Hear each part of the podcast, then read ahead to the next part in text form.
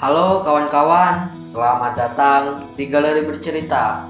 Nama aku Syahrul akan berbagi bukan cerita.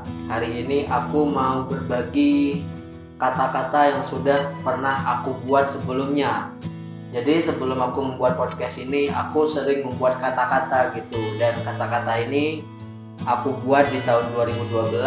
Aku bacakan satu persatu terus nanti juga aku bakalan kasih tahu makna dari karya ini. Seperti itu ya. Yuk, kita langsung mulai.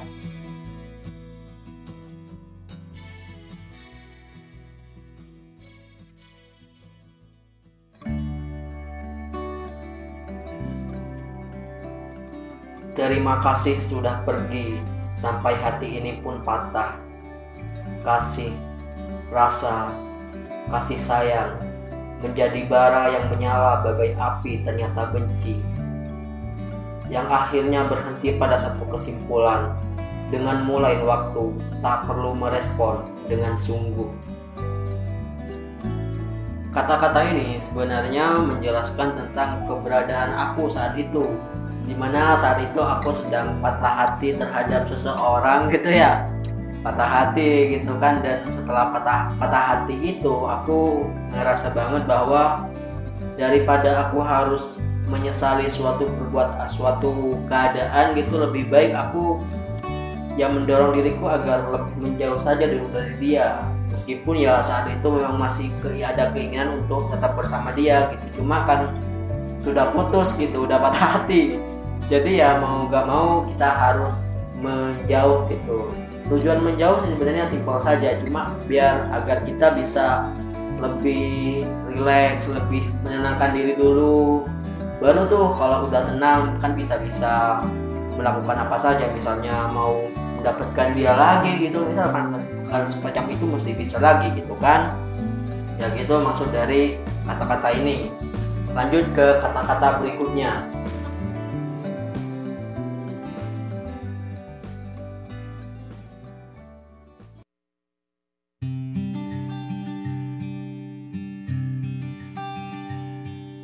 Katakan saja, kita pernah terjebak di lingkungan.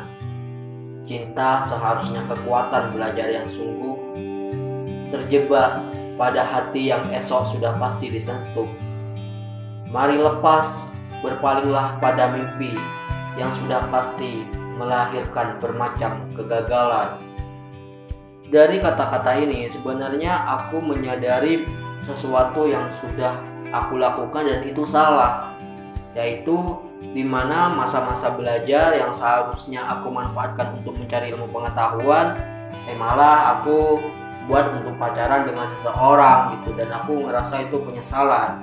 Dan bahkan setelah aku menjalani proses untuk berkarya gitu aku menyadari bahwa kadang dalam hal berproses itu kadang kita akan bertemu dengan rasa jenuh. Bukan kadang lagi tapi hal ini memang pasti. Dan kesimpulan poin dari poin dari obrolanku ini adalah bahwa berjalan di jalan yang benar saja itu ada ujiannya apalagi sudah tersesat di jalan yang salah gitu kan.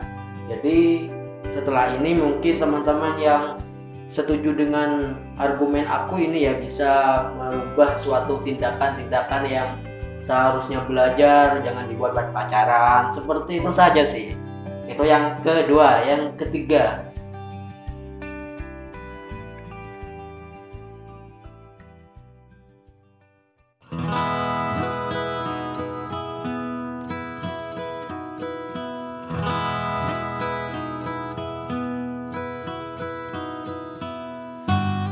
mundur perlahan atau maju berjuang.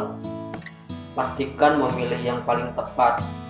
Kalaupun nanti menjadi penyesalan, tidak ada air mata yang jatuh dari merdeka atas pilihan.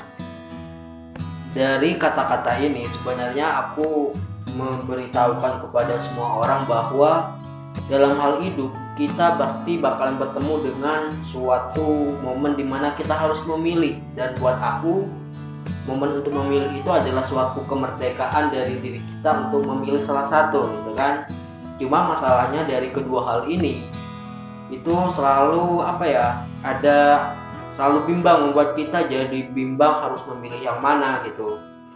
Dan dari kata-kataku ini aku ingin mengajak kepada teman-teman ketika memang menghadapi suatu momen seperti itu ya masalahnya ya tetap di harus memilih gitu kan ya salah satu caranya adalah agar itu tidak menjadi suatu penyesalan pilihan yang kamu pilih itu entah itu nanti bakalan jadi penyesalan atau tidak dan kita kan memang selalu mengantisipasi agar masalah apa agar pilihan itu tidak menjadi suatu penyesalan gitu kan nah untuk tata ah, tata caranya untuk cara caranya ya mungkin seperti yang aku lakukan gitu. Tapi teman-teman juga punya cara lain gitu kan. Kalau aku melaksanakan itu ketika menghadapi momen seperti itu ya aku langsung melihat dulu dari kedua hal itu. Jadi aku pilah gitu manfaatnya buat aku apa terus keurgenannya juga gimana gitu. Aku pikir-pikirkan secara matang terlebih dahulu barulah memilih gitu. Itu dari kata-kata yang tadi. Terus kita lanjut ke kata-kata berikutnya ya oke yuk kita lanjut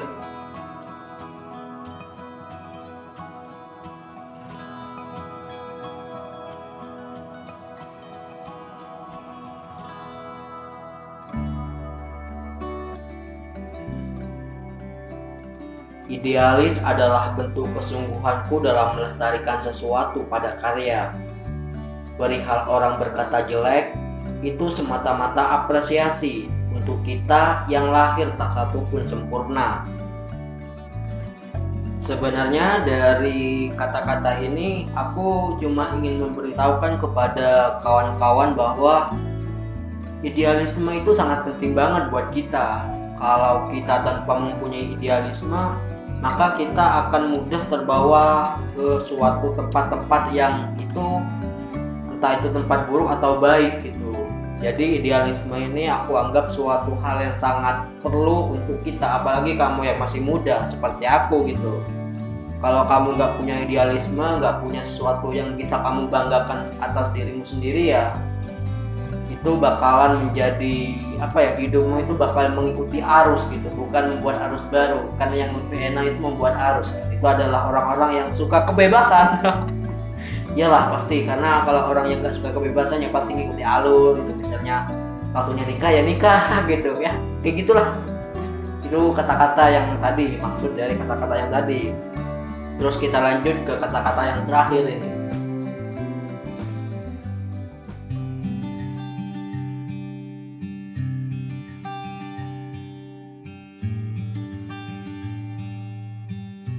Puisi terlalu megah untuk hadir di rumah ini.